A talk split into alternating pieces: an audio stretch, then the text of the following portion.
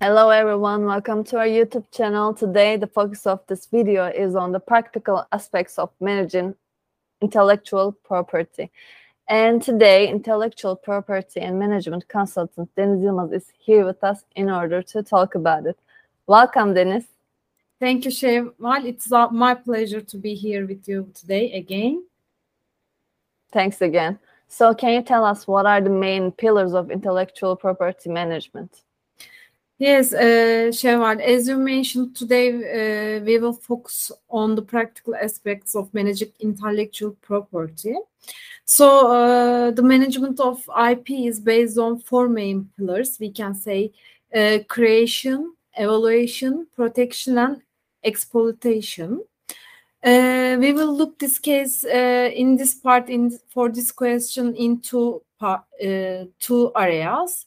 First of all, uh, for at universities, and secondly, we will talk for businesses because the universities are also part of the uh, IP management. I think so.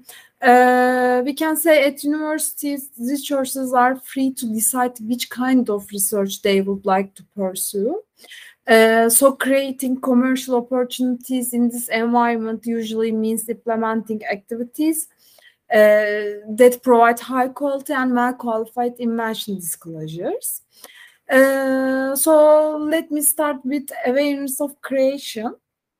Uh, it is essential that researchers be aware of the uh, importance of technology commercialization commercialization.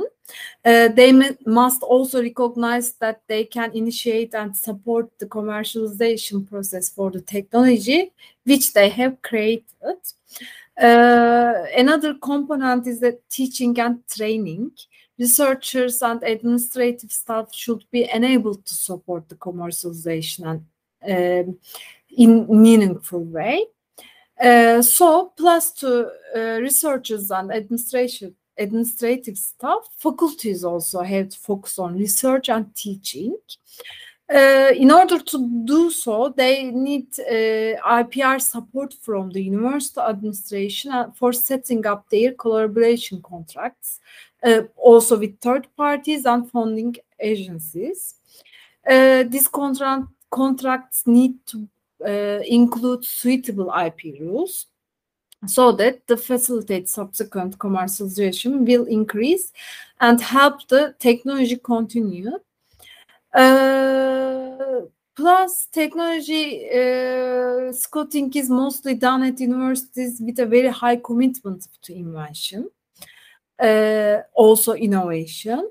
At these universities, TTO staff actively research uh, for technologies with commercial potential.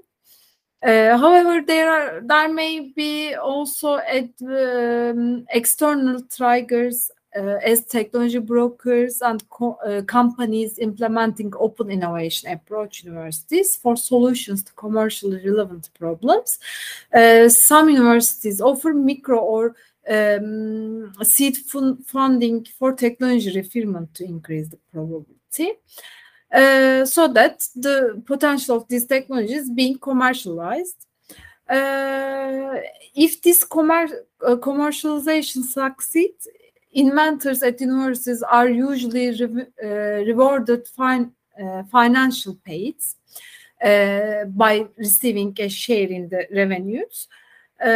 plus, some universities have innovation awards like um, uh, organization şey, organize inventors uh, days to publicity for celebrating their uh, inventors success and achievements uh, all these measures pressure on one goal of course which is the to increase the quantity and quality of the inventions uh, to the tra technology transfer offices uh, in the next step evaluation uh, step, I mean, it must be ensured that only the most promising projects are approved for IP protection. Uh, as researchers are limited, it is essential to concentrate on selected cases and on the kind and level of IP protection that is required for commercialization. Uh, protection ensures that the integrity of the intellectual property is secured and prepares the ground for exploitation stage.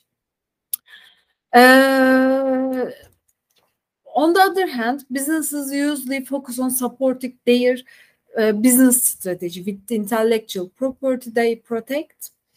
Uh, let me give an example. Um, the products and services that they sell increasingly uh, by lic licensing the intellectual property, uh, becoming a part of their overall business strategy. Business, they can use a kind of business development tool uh, additional collaborative research project, etc. But the most important one is which we will talk in the next uh, questions, listen, licenses. Uh, in order to maximize the value of creation uh, for all parties involved, uh, businesses uh, should know they have to license their intellectual properties to third parties or the spinning off out of the companies. Uh, an alternative op option for exploitation is to assign uh, or sell the technology to a third party. It is also important. Uh, for the implement implementation of the necessary tools, process, recommendations, and guidelines is required from the uh, outset to ensure the quality, transparency, and efficiency of the overall intellectual property management Uh, so, as I mentioned in the uh, first statement of me, that uh, the four main pillars first creation, then evaluation, then protection, and then exploitation. Uh, and it has two sides in universities plus in businesses. So, uh, what I want to say about the main pillars of intellectual property management is kind of that. Well, thank you, Deniz. Uh, so let's talk. Let's look at some of the main strategies relating to the development and protection of intellectual property. So, how companies can use intellectual property strategies to their own specific business models? Businesses are fundamental different uh, type of organizations uh, which complete different sets of activities and objectives which affect their approach to intellectual property strategy. As we talked in the first question, universities are clearly focused on teaching and learning uh, so that furthering knowledge through fundamental and applied research and disseminating this knowledge to benefit for uh, communities and society. They have no production or uh, sales activities, and in this, in this sense, they are not the main users of intellectual property. Uh, the more uh, commercially re relevant part of this knowledge, uh, dissemination activities, which relates to the creation, uh, of the university's intellectual property and so this makes in, uh, in this involves the transfer of knowledge via technology transfer to the business community. Uh, meanwhile, businesses tend to concentrate on developing, manufacturing, or and or or uh, selling a certain kind of product or service for a specific market or uh, generating income from uh, commercialization commercialization uh, and plus they have an advantage to a widely used technology by, by means of licensing and selling their intellectual property. Uh, therefore, they can be both users and brokers of their own intellectual property um, so that if intellectual property is a, a vital to both universities and businesses in that it plays a part of helping them to achieve their mission or business goals.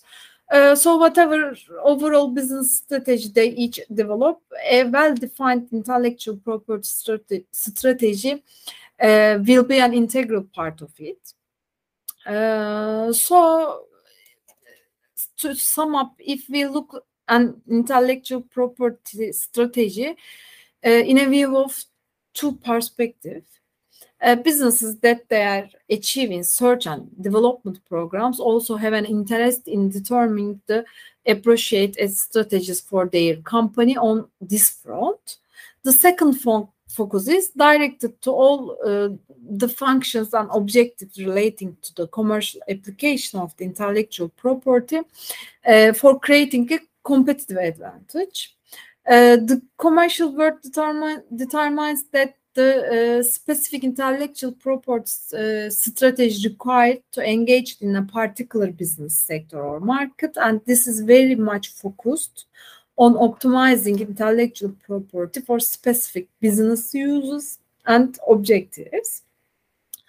Uh, this aspect of IP strategy will be remit of university spin-outs and uh, new technology startups as well as businesses uh, which already competing in the marketplace. Uh, so finally, I want to say that universities also usually do have a, um, commercial strategy for out licensing and uh, divesting themselves on their uh, IP, but it is different than uh, to this than these business kinds. So uh, as they do not directly engage in the development, manufacturing, or selling products and services like businesses. Universities uh, also uh, create or prepare a strategy for commercial part of uh, intellectual property. Uh, so I can mention about IP strategies um, like this, of course, in a uh, short way. So, Deniz, I have one more question that comes to my mind. Uh, when developing and protecting intellectual property, what are the strategic object objectives companies should consider? Hmm. Uh, yes, Şevval, this is also very important part of intellectual property uh, strategies. Uh, I can answer this like uh, firstly uh, you should decide whether you wish to monopolize or uh, whether uh, you wish to allow free access to your technology. There are three options here. One is to publish, publish and make a technology available to everyone. Uh, this prevents anyone from having a monopoly, of course. Uh, wider application of the technologies uh, stimulates further innovation and hopefully further improvements uh, to it for the benefit of everyone. Uh, the third is to maintain the technology as secret know-how.